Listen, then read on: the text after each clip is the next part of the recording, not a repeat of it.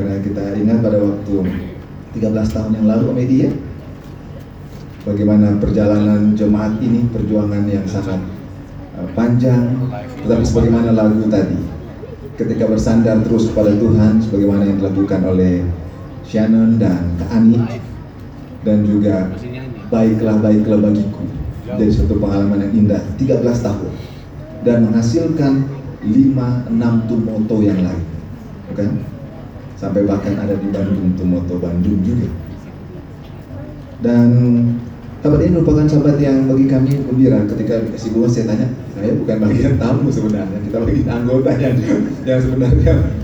Waktu lalu mau pindah juga ditahan-tahan di sisi dia tapi artinya eh, merupakan bagian yang terindah karena perayaan 13 tahun Jumat Tumoto nanti sahabat depan pada waktu acara retreat yang diadakan di Ciawi Ya, rindu untuk bersama-sama tapi kita memiliki waktu yang berbeda. Tapi sahabat ini merupakan sahabat sukacita bagi kita. Memperingati bagaimana kenangan, bagaimana kita berjalan, bagaimana kita bergumul. Oleh karena itu, pelajaran yang akan kita ambil sahabat ini adalah bagaimana kita bergumul dan kita menang. Terima kasih kepada istri saya Dr. Grace yang membawakan cerita anak tadi. Bahkan semua uh, pendeta, tua-tua jemaat dan keluarga besar di sini yang sudah menerima kami. Sebelum kita mempelajari pelajaran kita, kita tunduk kepala kita berdoa. Bapa di surga, sembunyikanlah hambamu di balik salibmu, sehingga ketika Yesus yang akan ditinggikan, Yesus yang kami saksikan, maka kami akan pulang dengan kelegaan, dipuaskan dengan rahmat Tuhan, hidup kami diubahkan menjadi seperti Yesus. Dalam nama Yesus kami berdoa. Jam sudah menunjukkan jam 12 lewat 10. Tapi tadi saya bertanya kepada sahabat kami di sebelah, wah ini biasanya tempat yang lain sudah berakhir khotbah. Tapi saya percaya kita sini karena acara berlangsung sampai sore hari dan acara sukacita boleh membuat kita betah ketika kita duduk bersama-sama dengan Yesus. Satu kali Yesus sedang berada berbicara, kemudian satu wanita sedang sibuk sekali di dapur. Begitu sibuknya dia mempersiapkan segala sesuatunya dan membuat di akhirnya timbul persungutan dan pengeluhan. Wanita ini bilang, Yesus, tolong kasih tahu sama kakak saya itu. Dia bantu saya dong. Lalu Yesus berkata kepada wanita yang sangat sibuk ini, mata, mata, engkau sibuk dengan urusan, tapi Maria telah memilih yang terbaik untuk duduk di kakiku. Saya percaya nanti siang ada kesibukan Marta di bagian belakang sana. Tapi saya biarlah Marta-Marta yang ada di sana ada di sini juga untuk duduk di kaki Yesus.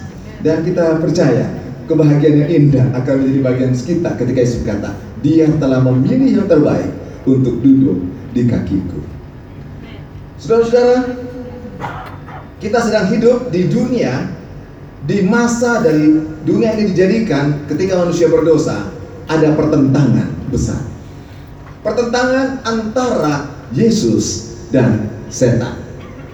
Apa pun yang kita alami, apa pun yang kita sedang lakukan, kita akan berada di dua pertentangan di mana kita harus memilih. Tidak ada pilihan yang ketiga.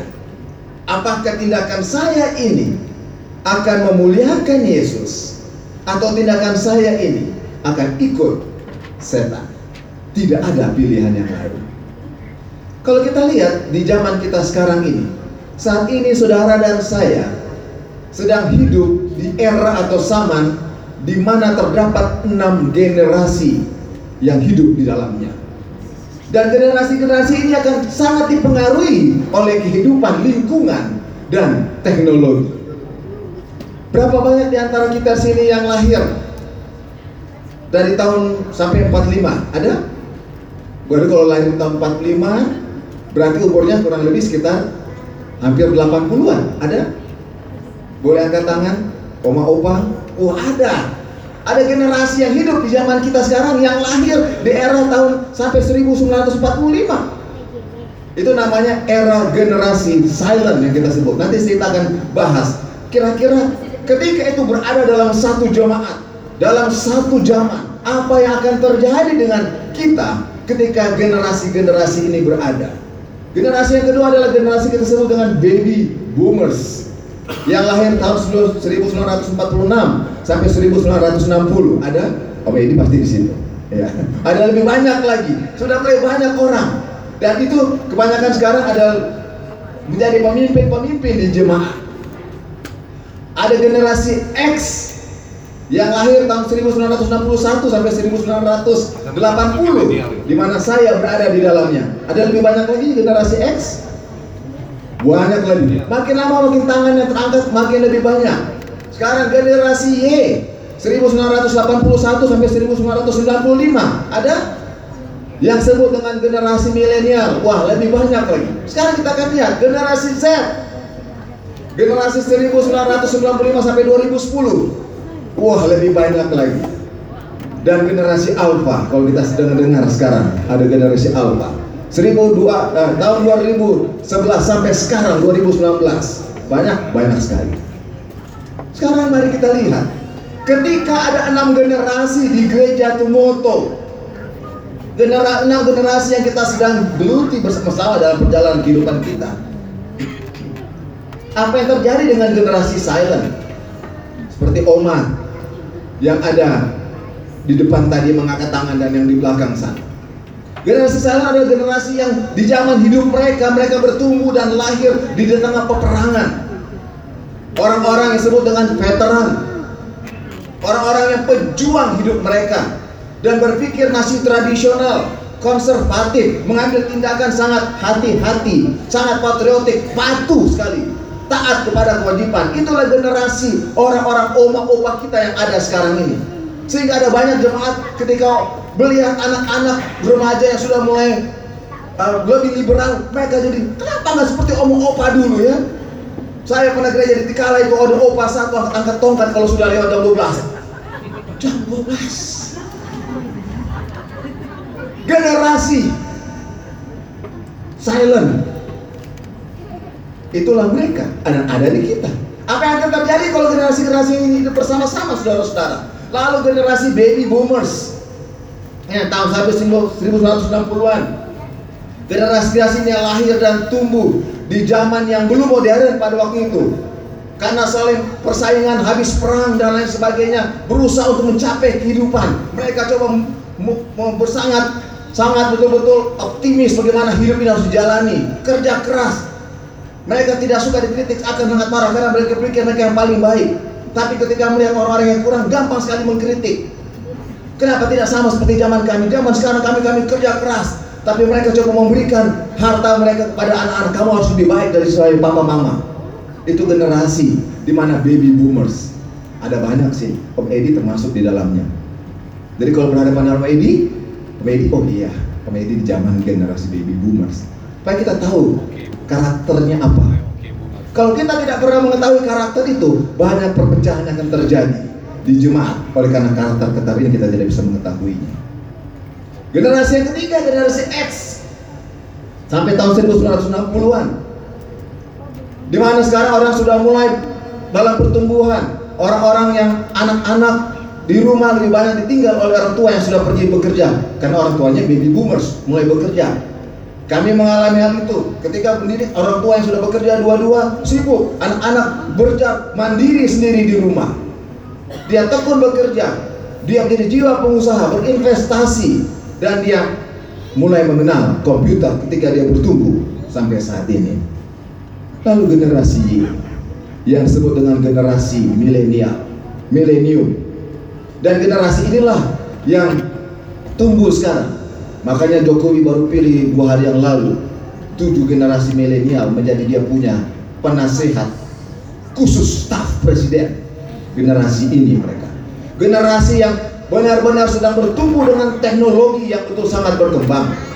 Kehadiran internet, kehadiran smartphone, kehadiran gadget, video games, komputer yang sangat mulai canggih, ambisius bekerja ada pada zaman generasi anak-anak yang lahir di tahun demikian. Dan itu banyak di tempat ini sekarang. Tujuh orang yang dipilih oleh Jokowi, seorang yang masih 23 tahun, Tanjung, menjadi CEO, orang-orang yang berperan besar dengan menggunakan internet, gadget mereka untuk menguasai dunia ini. Ide banyak sekali. Nanti kita akan pelajari. Itu generasi, ada generasi Y ini, yang sebut generasi milenial. Habis itu ada generasi Z, sambungan dari generasi Y, milenial tadi. Di mana generasi Z ini sudah berjam-jam mereka akan lebih canggih lagi daripada generasi yang tadi. Hidup banyak sekali. Hidup mereka hanya dengan online. Semua dengan online. Kalau dulu kita lihat televisi itu besar-besar kalau mau angkat. Dan orang yang angkat televisi itu badannya kecil-kecil. Tapi sekarang dengan televisi makin kecil, yang angkat yang ringan itu makin besar-besar.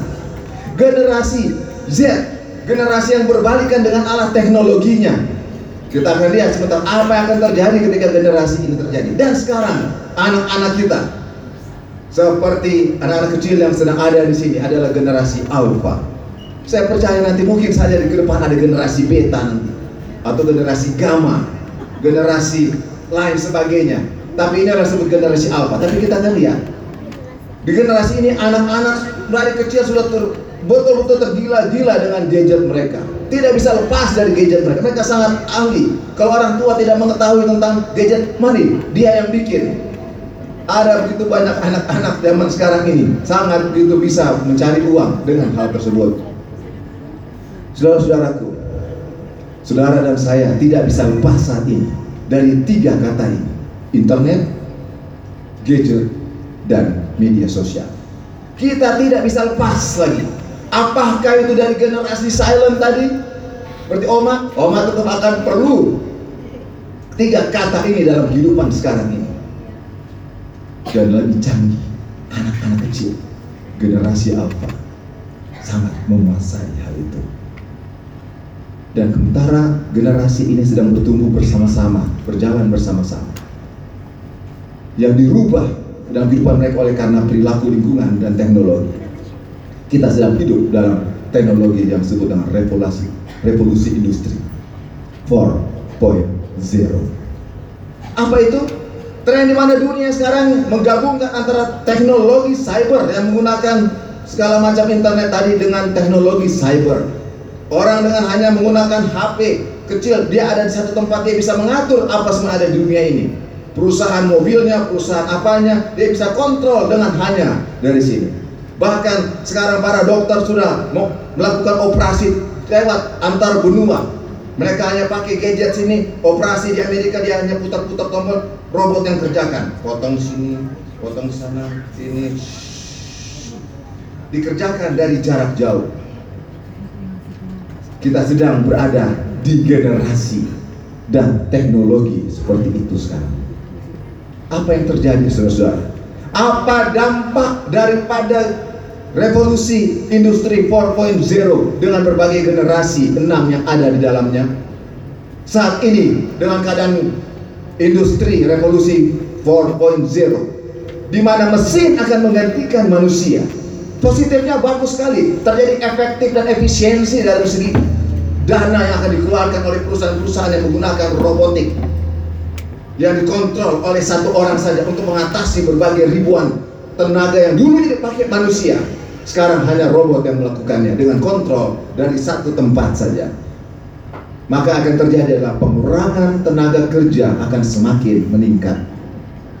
Saudara-saudara tahu apa yang akan terjadi ketika tenaga kerja berkurang secara meningkat? Kejahatan moral akan semakin lebih besar orang akan berlomba-lomba mencari apa bagaimana supaya mempertahankan hidup tapi akan digantikan oleh teknologi robot. Bahkan di beberapa tempat kalau kita lihat sekarang ada orang dibentuk robot dibentuk seperti manusia bisa berbicara dengan kontrol yang luar biasa padahal bicara adalah ro robot. Yang kedua Dampak daripada revolusi industri 4.0 adalah otomatisasi. Semuanya otomat.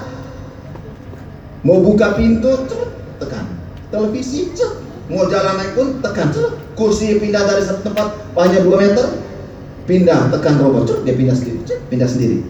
Apa yang akan terjadi pada generasi ini? Akan ada yang disebut dengan sedentary life. Orang kurang lagi bergerak. Semua lebih banyak duduk, kontrol di depan komputernya dengan HP-nya untuk mengontrol dunia ini. Tidak lagi ada dulu orang kalau mau matiin televisi berdiri cepat duduk lagi, ya kan? Sekarang tidak, tinggal kontrol semuanya. Akhirnya sedentary life menimbulkan begitu banyak penyakit oleh karena kurangnya gerak badan. Yang berikut dengan adanya teknologi yang sangat canggih sekarang, maka komunikasi informasi itu semakin cepat dan mudah. Kita bisa melihat seperti bicara langsung dengan orang tersebut walaupun berada di Amerika dan Indonesia. Bisa lihat langsung seperti temu. Bahkan sedang lagi dibentuk suatu sistem sekarang suatu slide seperti orangnya ada tiga dimensi di depan kita. Saudara-saudara tahu ini akan terjadi sama seperti di zaman Raja Saul ketika menghadap perempuan Endor. Seperti muncul sesuatu tiga dimensi di depan kita dengan sinar-sinarnya seperti ada ketemu dengan bicara dengan satu orang tertentu. Zaman inilah di mana kita hidup sudah ada teknologi itu. Apa yang terjadi ketika itu terjadi? Ketika informasi informasi semakin cepat dan mudah, maka interaksi sosial secara nyata semakin berkurang. Orang hidup dalam dunia maya, bukan dunia nyata. Sehingga ketika menghadapi masalah-masalah nyata yang terjadi, konflik-konflik di dalam rumah tangga, konflik dalam pergaulan, semua tidak bisa dipertahankan. Oleh karena itu banyak sekali perceraian yang terjadi. Oleh karena tidak mampu mengatasi masalah dunia nyata. Karena kehidupan sekarang ini lebih banyak ke dalam dunia maya. Apalagi dampak revolusi industri 4.0 adalah ke kapital, eh, kapitalisme industri. Orang bisa menguasai menjadi kaya hanya dalam seorang anak kecil sekalipun. Saudara, anak kecil yang bayi-bayi tadi yang di zaman uh, generasi alpha bisa cari uang. Mereka di depan di depan HP bikin youtuber, ya kan? Menyanyi segala macam, diedarkan, wah langsung jadi viral. Ada penyanyi orang Manado, eh, di besar orang Manado, orang Amerika, siapa namanya itu? Ya? Keke. Ya kan? Dia baru bicara bahasa Manado saja, orang bule bahasa Manado, tak heran-heran orang Manado. Kenapa orang Manado baca bicara bahasa Inggris tali lipa ini orang bule bisa bicara Manado luar biasa. Langsung datang ke Indonesia baru-baru lalu kan tahun ini.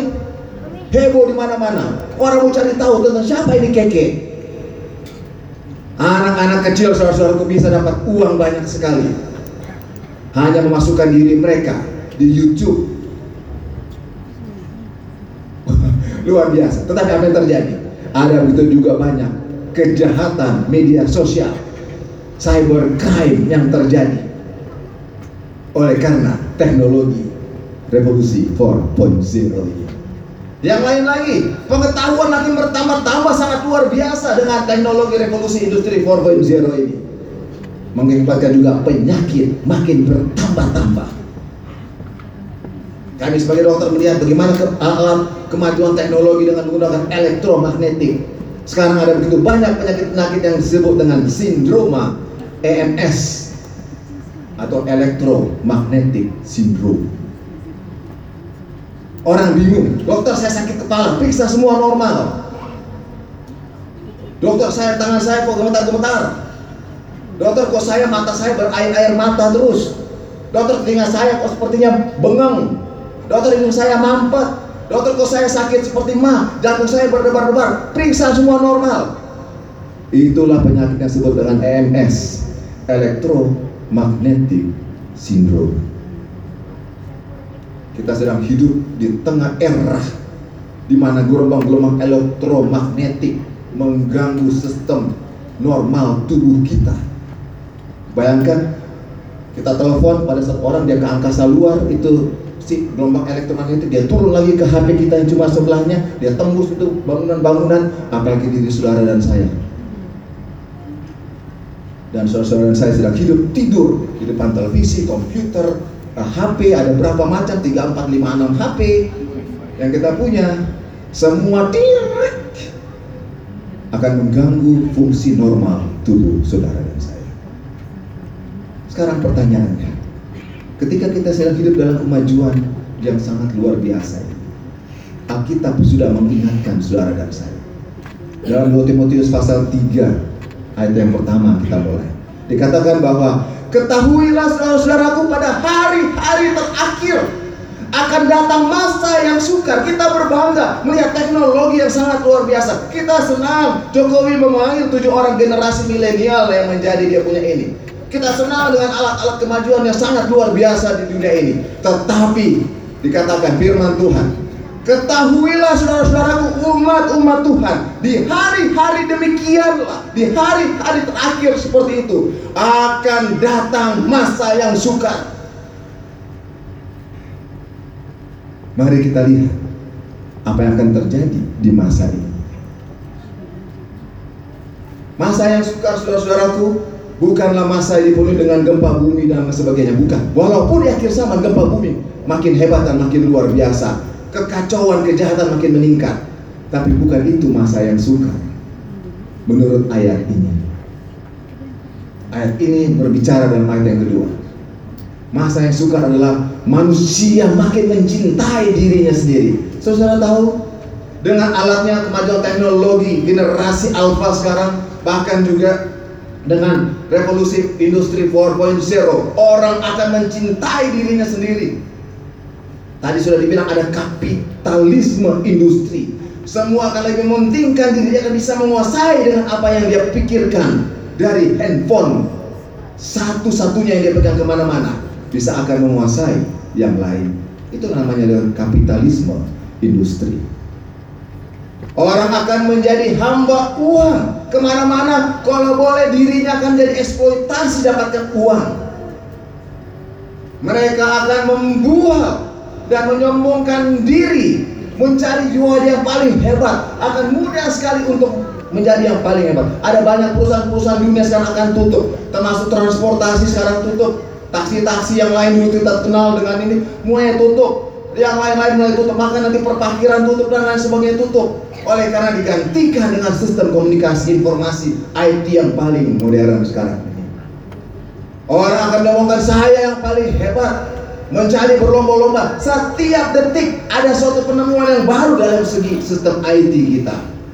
Mereka akan menjadi pemfitnah dengan adanya sistem media sosial sekarang ini. Hoax di mana-mana gampang sekali orang termakan dengan isu hoax. Kita gampang terbunuh dengan orang katakan gini langsung orang jadi panas mendidih hatinya dengan kondisi hoax yang gampang sebarkan media sosial. Dan satu kali dia keluar saudara-saudaraku Mau susah sekali. Mereka akan berontak terhadap orang tua. Anak-anak di masa generasi alpha sekarang di Bandung Saudara-saudara lihat di media sosial ada rumah sakit jiwa yang ada di Lembang dekat Unai dipenuhi dengan anak-anak yang gangguan jiwa karena gadget. Anak-anak yang bisa bunuh orang tuanya karena ketika HP-nya diambil, dia pukul dan bunuh orang tuanya. Kita sedang hidup dalam generasi revolusi industri 4.0 ini.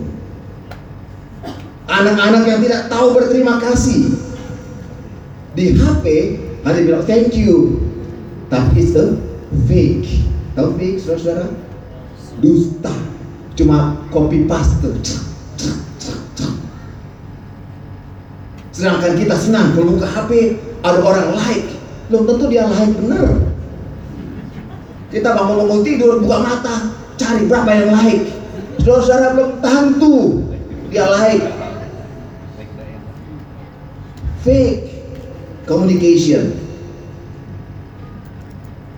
Orang lagi tidak peduli agama, datang ke gereja badannya secara fisik datang di gereja, tapi ketika buka lagu Sion ada kotor, saya punya HP ini ada lagu Sion dalam Alkitab. Sementara buka Alkitab muncul aplikasi cat. Wih, terganggu apa ini? Banyak-banyak kali kita saya berdiri di tengah-tengah generasi sekarang menyanyi, tiba-tiba berhenti nyanyi. Saya perhatikan, oh karena ada aplikasi yang lain di HP mereka yang mereka lihat. Tidak peduli kepada agama, tidak tahu mengasihi, karena semuanya hanya fake, hanya palsu, hanya maya. Ketika mau mengasihi sebenarnya saya nggak tahu cara mengasihi yang benar bagaimana. Karena saya diajar untuk mengasihi diri saya sendiri. Tidak mau berdamai karena semuanya fake. Oke saya ampuni kamu di situ, tapi hatinya tidak ketemu. Oh perdamaian itu harus ada terjadi hubungan satu dengan yang lain. Kita harus terjadi, tapi tidak bisa hanya melalui HP, saudara-saudara. Suka menjelekan orang gampang sekali menyebar fitnah. Satu kata saja bisa diplesetin. Bisa jadi satu hal yang salah. Bahkan cepat garam. Ketika dapat berita, oh kurang ajar sekali pemimpin ini. Kaum ini begini. Waduh. Langsung edarkan lagi. Forward. Dari tetangga sebelah dibilang di HP. Ya kan? Ini saya forward dari tetangga sebelah. Tetangga sebelah mana? Gak ada tetangganya situ. Seringkali begitu di HP kita bukan? tidak suka yang baik. Saudara-saudara perhatikan, orang yang punya HP akan lebih mudah melihat aplikasi-aplikasi yang tidak baik. Saya punya teman yang membuka bisnis terhadap perbaikan-perbaikan komputer semua ini. Lalu saya tanya kepada dia, ketika Anda memperbaiki aplikasi-aplikasi dan komputer HP orang-orang yang datang kepada Anda, ketika Anda buka dia punya HP, apakah ada sesuatu situs porno yang ada di dalam HP-nya? Dia katakan berapa persen saya tak tahu. Dia katakan semua yang bawa pada saya barang-barang elektronik itu semua 100% mempunyai situs porno. Saudara-saudaraku, saya mau tanya lebih jauh lagi. Berapa banyak yang advent dan berapa banyak yang bukan? Tapi saya tidak perlu bertanya. Karena sudah ada angka berapa? 100%. Kita sedang hidup di zaman ini, saudara-saudaraku.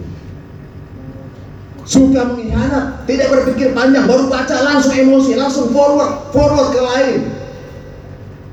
Makanya Jokowi ketika sekarang dalam waktu dia jadi angkat presiden dia bilang sekarang eranya bukan cuma send, tapi mesti tahu bahwa dia deli, deliver, right? Kita lebih banyak send, send, send, nggak tahu kita delivernya benar nggak sampai nggak di tangan orang tersebut. Sekarang dunia sedang memikirkan itu saudara-saudaraku. Kadang kala hebat sekali, beragak tahu, padahal cuma copy paste. Dikirim ke saudara ini, uh hebat sekali dia. Itu copy paste. Banyak orang sekarang bikin-bikin tesis segala macam copy paste. Lebih menuruti hawa nafsunya daripada menuruti Allah. Ketika dia sedang baca firman Tuhan, dia buka dia punya ini. Sama seperti ada seorang yang sedang mempersiapkan khotbah. Dia sedang buka, siapkan khotbah, pakai komputer, ambil-ambil gambar dari internet, ya kan?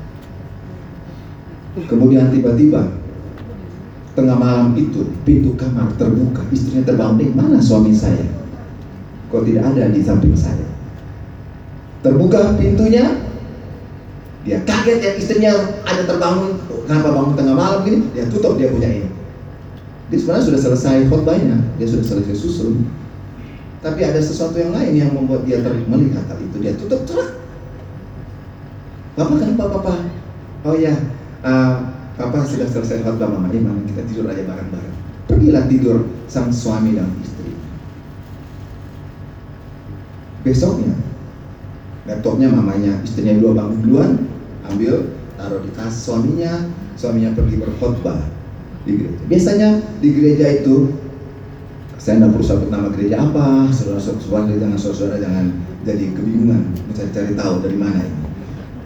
Ketika dia bawa HP itu, biasa di gereja ada petugas IT yang selalu tanya.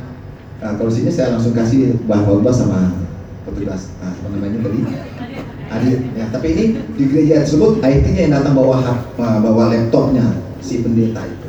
Ditaruh di sana, di, di setting semua siap, dibuka tinggal dia dia klik. Saudara-saudara tahu, ini real story. Ketika dia layar keluar seorang dengan tidak berbusana.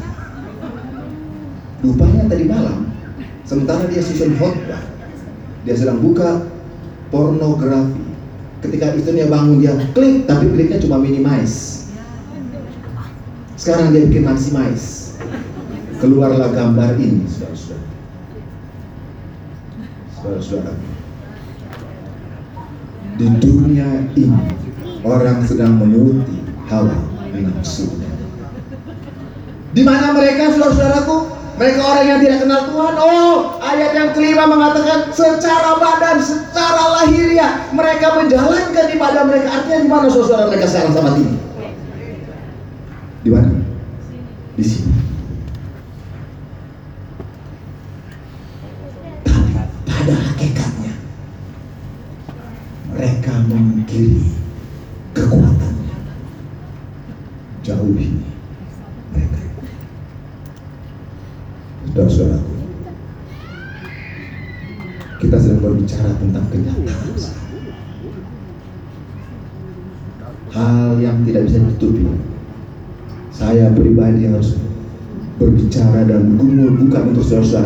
Untuk saya sendiri. Oleh karena itu pertanyaannya, bagaimana saya dan saudara memenangkan pergumulan? Saya tidak perlu cari tahu berapa persen di sini. Karena apa yang dikatakan tadi oleh sahabat saya yang memeriksa itu. Berapa persen? 100 persen. Artinya saudara dan saya sedang bergumul untuk bisa memenangkan pergumulan itu. Pilih Yesus atau setan. Dalam Hosea 12 ayat 3 menceritakan bagaimana seseorang akan memenangkan pergumulan itu. Tuhan mempunyai pembantahan dengan Yehuda. Ia akan menghukum Yakub sesuai dengan tingkah lakunya dan akan memberi balasan kepadanya sesuai dengan perbuatan-perbuatannya. Ada sesuatu yang terjadi kepada nama ini, yaitu Yakub yang sedang bergumul di mana anak-anaknya ada yang menghasilkan namanya keturunan Yehuda yang mempertahankan di mana dari keturunan ini katanya lahirlah Yesus Kristus yang membawa kebenaran itu. Tapi orang-orang yang diizinkan membawa kebenaran itu pada akhir zaman ini hidupnya seperti 2 Timotius pasal 3 tadi. Ayat yang keempat dari buku Hosea pasal 12 ini. Di dalam kandungan ia menipu saudaranya. Sejak kapan saudara-saudaraku? Dari kandungan. Apa artinya? Generasi apa ini saudara? Yang dari dalam kandungan sudah melakukan kejahatan dengan teknologi 4.0? Generasi apa? Alpha. Kalau saudara lihat keadaan zaman inilah generasi alfa dari dalam kandungan. Banyak pasien-pasien kami yang dari dalam kandungan sudah menderita MS. Bahkan penyakit kanker pun ada bagi bayi yang baru lahir. Kami punya pasien yang baru lahir saya mengalami sendiri saudara-saudaraku. Usia tiga hari akhirnya harus dioperasi untuk membuang kandungan seorang bayi perempuan karena ada tumor di kandungannya. Generasi apa? Alpha. Dari situ kita sudah bergumul dengan Allah, saudara-saudaraku. Generasi apa itu sekarang? Generasi kita sedang hidup sekarang. Ayat yang kelima dari buku Hosea pasal 12. Ia bergumul dengan malaikat dan menang. So how? Bagaimana caranya bisa bergumul dan bisa menang? Ia menangis dan memohon belas kasihan kepada Tuhan di Betel. Ia bertemu dengan dia dan di sanalah dia berfirman kepadanya kepada Yakub ini. Ketika dia melakukan dosa, dia menipu bahkan dari dalam kandungan katanya tadi di generasi Alfa ini. Bagaimana caranya? Di Betel, di tempat yang mendirikan bait suci, Ka'bah, batu-batu untuk persembahkan sebagai mesbah korban kepada Tuhan. Allah berfirman kepada Yakub, Allah semesta alam yang mengatakan kepadanya, engkau ini harus berbalik kepada Allahmu. Peliharalah kasih setia dan hukum dan nantikanlah Allah senantiasa. Kalau tadi 100% angka itu kepada kita di generasi sekarang. Ketika firman Tuhan berkata untuk bisa menang. Ayat 7 Hosea pasal 12. Itu moto kita semua di sini kemuliaan dari bantu berbalik pelihara dan nantikanlah aku saudara-saudaraku kita sudah 13 tahun itu motor berdiri ada panggilan pada sahabat ini di ulang tahun yang ke-13 kita sedang era jangan terbuai dengan keadaan industri 4.0 yang kecepatan komunikasi begitu tinggi bahkan sepersekian second kita bisa berhubungan dengan yang lain. Kalau kita tidak hati-hati kita akan lengah oleh karena itu buku Mazmur 51 ayat 5 ketika Raja Daud bergumul kepada apa dia bergumul? bergumul dengan dosa Itulah bacaan yang kita baca dalam ayat bersahutan pada sahabat ini. Lalu kita lihat kembali kepada Yakub tadi. Kejadian 20 ayat 36a. Kata Esau, dia berkata kepada Yakub, "Bukankah tepat namanya Yakub karena ia telah menipu aku dua kali?" Kita sering kali gampang sekali menipu dengan apa saudaraku? Fake informasi yang ada di mana? Di HP kita kita kasih like, kita kasih begini, setuju, angkat jempol, hati kita nggak di situ, itu tipu nggak? Tipu. Tapi yang ditipu sen senang. Artinya kita senang ditipu dan senang ditipu. Kenapa menipu orang dan senang ditipu? Siapa bapak penipu kita? Firman Tuhan mengatakan setan. Saudara-saudaraku, saya percaya mungkin ini keras bagi kita, tapi firman Tuhan harus disampaikan. Karena usia 13 tahun, orang bilang ini orang dunia bilang usia keramat. Nggak mau ada lantai 13 di hotel-hotel nggak ada angka 13. Bahkan dulu ada film-film setan-setan Friday the 13. Tapi justru di 13 inilah firman Tuhan mau disampaikan kepada saudara-saudara. Untuk kembali. Dalam Amsal 28 ayat 13 Siapa menyembunyikan pelanggarannya seperti Daud yang tadi dia merasa saya bergumul dengan dosa saya Tidak akan beruntung saudara-saudaraku. Siapa yang menyimpan semua kebiasaan kelamaan biasa-biasa yang rusak tadi merusak saya, pikiran saya. Sehingga ini heran Tuhan katakan, engkau berdosa pada waktu memandang perempuan, walaupun belum melakukan perbuatan hubungan badan, tapi engkau sudah berdosa karena dari pikiranmu. Itu ada di mana saudara? Di HP kita sekarang ini.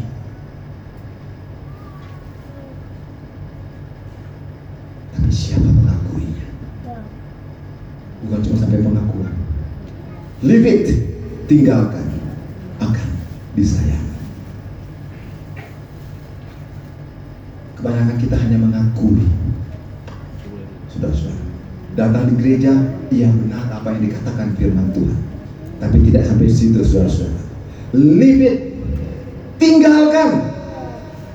Karena kalau hanya mengakui, Yudas pun mengakui Yesus, dia orang benar. Tapi Yudas tidak tinggalkan dosanya. Kejadian 32 ayat 28. Akhirnya, ketika Yakub bergumul, dia tidak hanya melupakan dosanya, pengakuan dosanya, tapi dia terus mau tinggalkan dengan berpegang kepada Allah dan manusia. Dikatakan dalam kejadian 32 ayat 28, engkau telah bergumul melawan Allah dan manusia. Siapa dia ini? Allah dan manusia. Dia Allah dan juga manusia. Yesus. Ketika kita bergumul dengan Yesus dari malam sampai pagi oleh Yakub, lalu dikatakan kepada dia, engkau menang. Ellen White mengatakan dalam buku Kemenangan Akhir halaman 534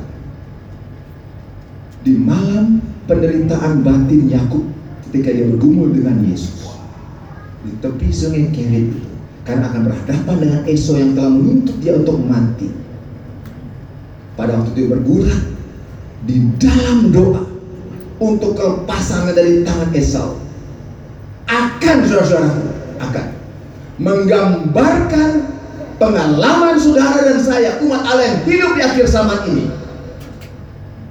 yang sedang hidup dalam masa kesesakan. Jadi pergumulan Yakub akan juga menjadi pergumulan kita untuk supaya kita bisa menang. Kalimat selanjutnya dalam alinea ini. Oleh merendahkan diri, oleh pertobatan dan penyerahan diri, manusia fana, Yakub yang berdosa itu sejak dari mana kandungan generasi alfa sekarang ini bisa menang atas raja surga. Ia telah memantapkan pegangannya yang bimbang untuk memegang erat-erat janji Allah dan hati yang maha kasih. Tidak bisa akan menolak permohonan dari saudara saya yang berdosa ini yang terus berharap kepada dia. Tuh, tolong saya. Saya tidak bisa Tuhan, tapi saya mau berpegang kepada Engkau. Kasihnya akan menjangkau kita di generasi Alfa ini. Kolose 4 ayat 12 kepada ketika Rasul Paulus menulis suratnya kepada jemaat Kolose ada seorang bernama Epapras katanya salam kepada kamu karena Epapras adalah hambaku yang selalu bergumul dalam doanya saudara-saudara berapa banyak saudara saya bergumul dalam doa kita untuk pergumulan kita pergumulan orang lain, pergumulan jemaat Tumoto ini. Lukas 18 ayat 1. Dia katakan, kamu harus selalu berdoa, bergumul dalam doa untuk tidak jemu-jemu. Apa yang menghambat doa kita saudara-saudaraku? Yang membuat kita mudah untuk tidak berdoa? Hati kita. Hasil daripada revolusi yang makin canggih ini akan membuat kita lupa untuk berdoa. Kita tahu ketika kita bangun pagi kita harus berdoa, tapi sering kali ada banyak persentase yang kami dapati ketika melakukan kuesioner kepada orang-orang dalam seminar-seminar yang dilakukan adalah berapa banyak di antara bangun tidur, apa yang Anda lakukan? Lebih dari 70% buka HP. Apa yang mau dilihat di HP? Berapa banyak yang like? Berapa banyak yang baca? Saya punya berita tadi malam. Facebook yang dibuka, WA dibuka, dan berbagai Instagram dan lain sebagainya dibuka. Akhirnya waktu berdoa, pas buka, ih, waktu tinggal cek, oh, tuh, berdoa cepat-cepat dulu. Sudah macet Jakarta, lalu akhirnya berdoa tinggal di mobil, segala macam. Begitu cepat orang melalaikan doa saudara-saudara. Bahkan worship pagi pun hanya di mobil. Tidak ada waktu khusus kita mau bergul, bergaul dan bergumul dengan Tuhan. Saya sering kali terlibat kalau sudah buru-buru kadang-kala. Dokter Grace pernah ingatkan saya, Papa, kok kenapa nggak berdoa dulu? Walaupun waktu sudah sangat mepet sekali. Saya terpukul, saya udah terima kasih Mama ingatkan Papa kata itu. Berapa banyak di antara kita untuk hal-hal tertentu kita tidak berdoa lagi untuk berkumpul dengan Tuhan.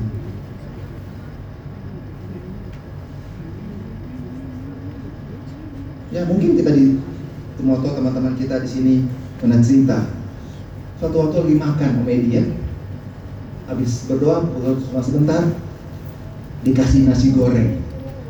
Nasi goreng ini ada udang. Uh ada pakai udang. Oh kayak ada udang sini. Aduh yang ada bilang kuat tadi. Oh iya dah ada satu orang bilang oh, enggak apa-apa pak. Kasih pinggir. Kasih C DP udang makan di nasi goreng buat cerita buat cerita sambil latihan latihan nyanyi kan? Ada latihan latihan nyanyi sambil buat cerita segala macam. Kita nggak usah sebut grup apa namanya. Latihan latihan nyanyi dan segala sesuatu. Ladies voice tuh. so, so waktu habis makan mau kumpul. Kau satu orang bilang eh mana tuh udang? Eh, ke mana saudara-saudaraku Orang sedang hidup di masa di mana banyak manusia tidak lagi serius dengan doanya. Dan udang dong kipas.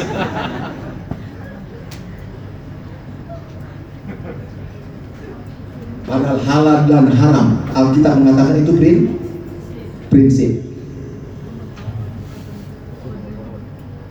Zaman sekarang orang tidak lagi merasa itu prinsip.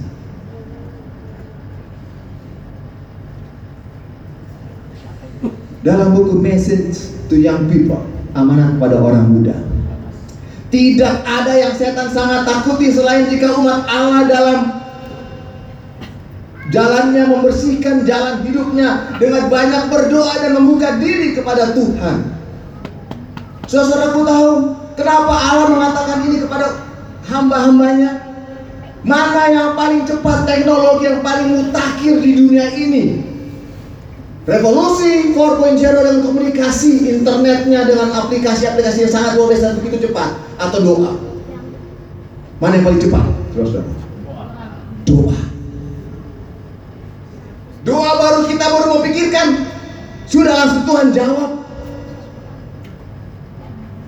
Yang tidak bisa dilakukan oleh revolusi 4.0. Kita begitu mengagungkan revolusi yang begitu cepat. Tapi kita lupa revolusi yang Tuhan sudah kasih sejak dunia ini dijadikan Yaitu doa. Doa lebih canggih dari revolusi IT kita. Doa lebih hebat daripada apa pun teknologi yang dilakukan oleh dunia ini. Tapi pertanyaannya Mengapa kita tidak menggunakannya?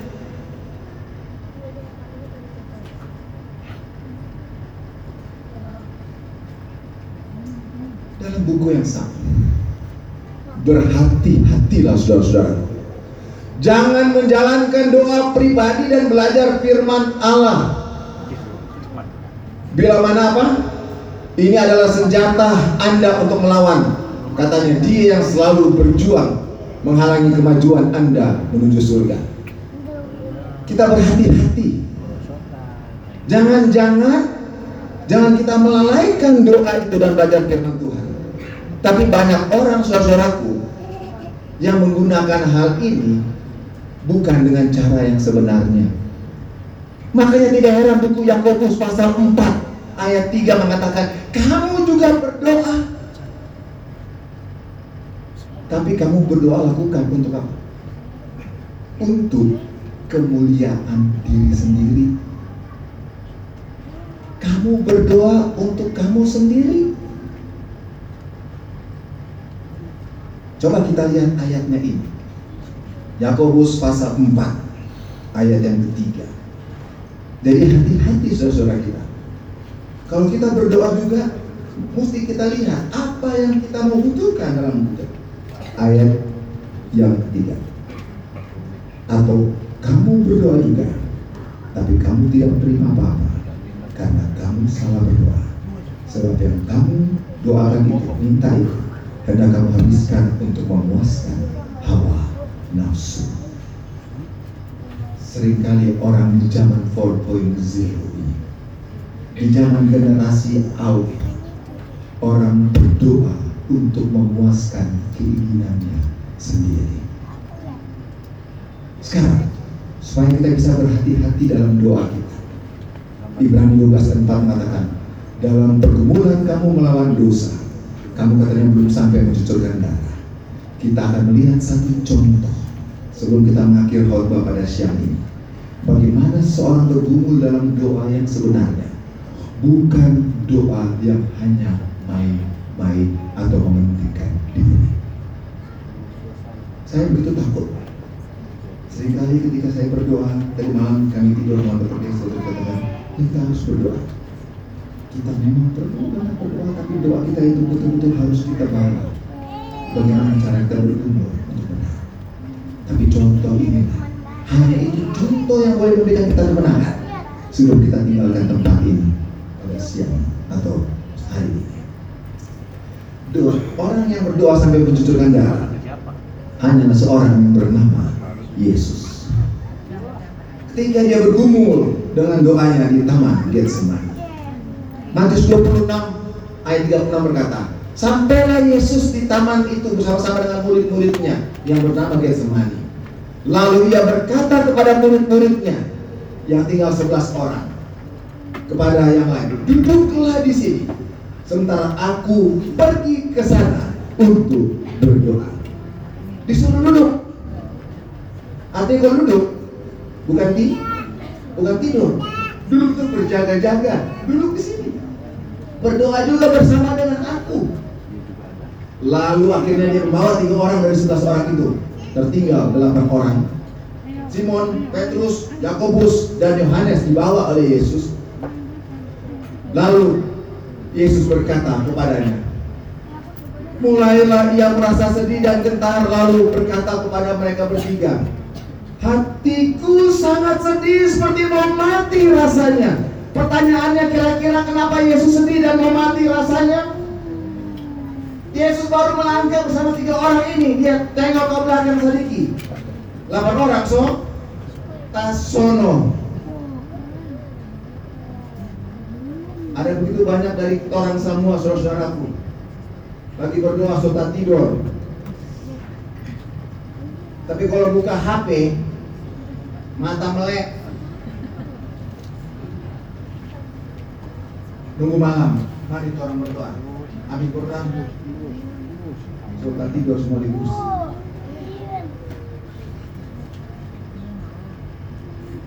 Saudara-saudaraku, Yesus mengatakan hatiku sangat sedih. 8 orang sudah tidur, baru suruh berdoa. Sekarang sota sono. Tinggal dua orang empat, Yesus dan tiga orang.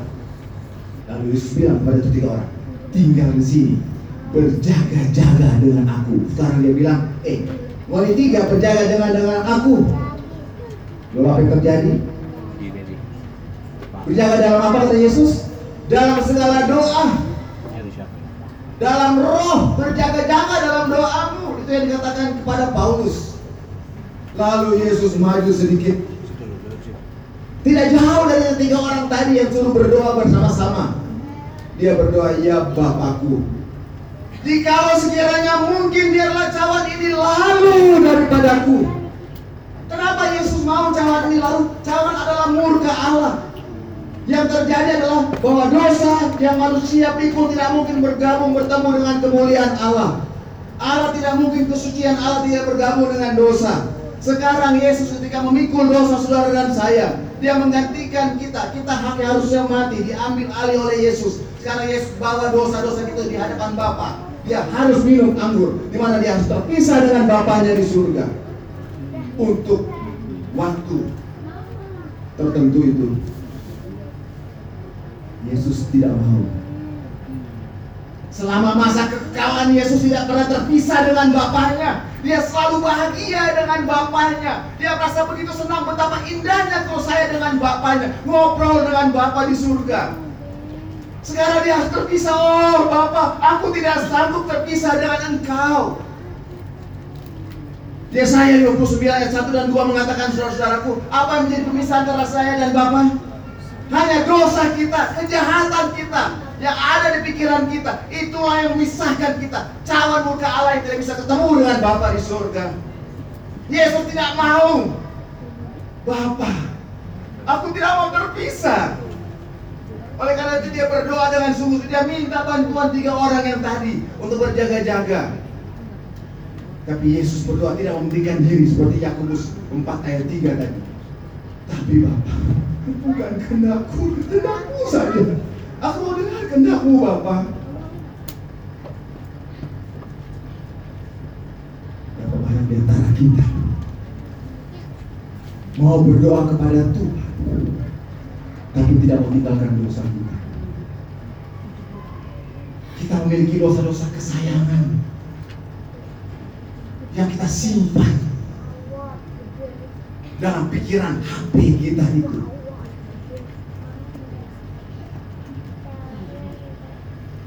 Tuhan bilang, aku mau terpisah dengan Bapa. Kalau saudara ingin bertemu dengan Bapa dan Yesus, tinggalkan dosa.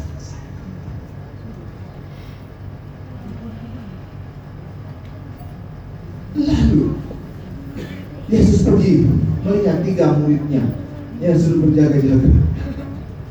Kan kalian dia sedang apa? Tasono lagi. Aduh, baru baru lihat tuh tapang lain, so kasih nasihat, tetap tasono. Orang Bandung bilang kumaha Lalu dia bilang kepada Petrus, tidakkah kamu sanggup berjaga-jaga dan aku satu jam saja? Dari jam yang diberikan Tuhan kepada manusia 24 jam Berapa jam yang paling rendah saudara? Jamnya, ini bukan bicara menit, bukan bicara detik Dari 24 jam yang Tuhan berikan, berapa jam? Satu jam Dia cuma minta yang paling sadiki saudara-saudara Tuhan kasih Berapa banyak di antara orang yang ada berdoa satu jam satu hari bergumul dengan Tuhan sendiri.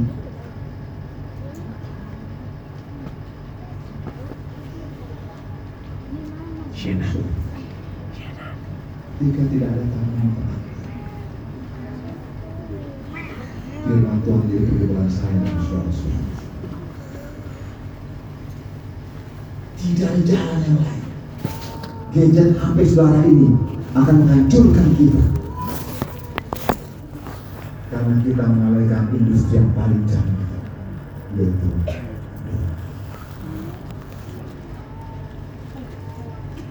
berjaga-jaga dan berdoa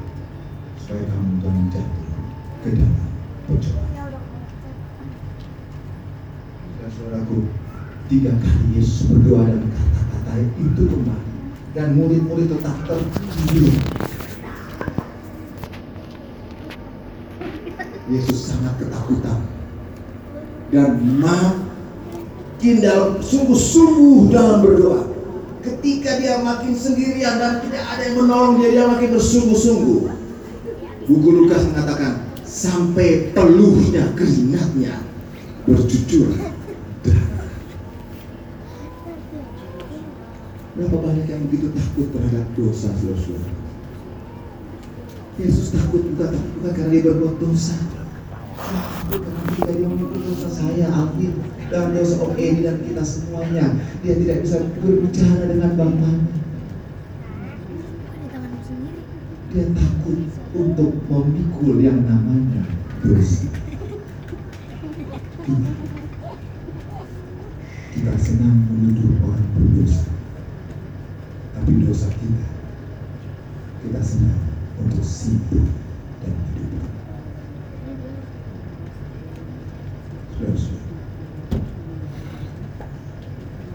Tiga kali ia mengucapkan doa. Tiga kali kemanusiaannya telah menganyur surut dari pengorbanan terakhir yang paling hebat itu. Tetapi sekarang Ketika tiga kali dia bersunduk di tanah, dia sendirian, tidak ada yang bisa menolong dia. Tidak ada yang bisa saya atau pendeta jemaat atau siapa pun atau pendeta jemaat pun tidak ada yang bisa menolong saudara dan saya. Hanya dengan kuasa Tuhan sajalah. Ketika dia sedang bergumul demikian, malaikat surgawi datang menerangi Getsemani pada malam hari itu. memegang pundak Yesus dan berkata kepadanya, Bapa, engkau meminta jalan Yesus saudara. Dia berdoa untuk mengetahui kehendak Bapaknya Dan sekarang dia lihat Papa Aku mau terpisah tapi Bapak mau engkau terpisah dengan aku Lihatlah manusia-manusia. Lihatlah Alvin. Lihatlah Edi. Lihatlah kita semuanya. Kalau engkau tidak mau minum mereka binasa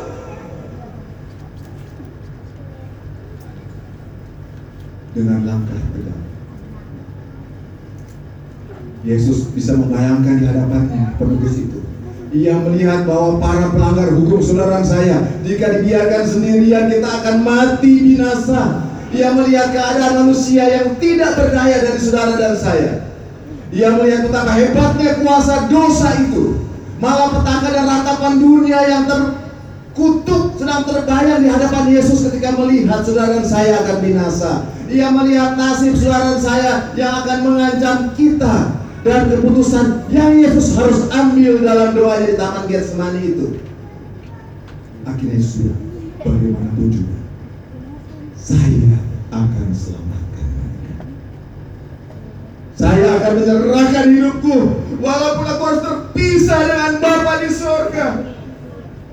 Betapa ngerinya dosa itu, tapi aku pun mereka selamat. Ketika Yesus bangkit, dia masuk surga dalam 40 hari. Malaikat-malaikat sedang menunggu dengan gembira kedatangannya untuk sudah terlepas dari dunia yang membunuh dia. Mahkota kerajaan diberikan dan diserahkan kepada kepala Yesus. Ceritanya ada di buku kemenangan akhir. Tapi Yesus menolak untuk memenangkan. Dia pergi ketemu bapaknya. Dia bilang, Pak, aku bawa orang-orang manusia karena pengorbanan. Aku rindu yang lain yang ada di Tumoto sekarang Bapak Mereka juga selamat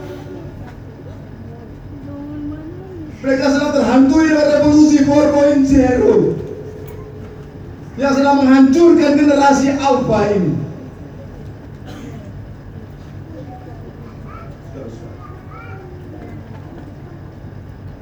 Saatnya sekarang kita mau bergandingan tangan. Kita mau berdoa dengan lebih sungguh-sungguh. Menyerahkan semua dosa-dosa kesayangan kita. Menyerahkan semua kejahatan yang kita miliki. Membakar semua hal-hal yang ada di HP kita yang tersimpan semua pornografi dan segalanya ada di situ.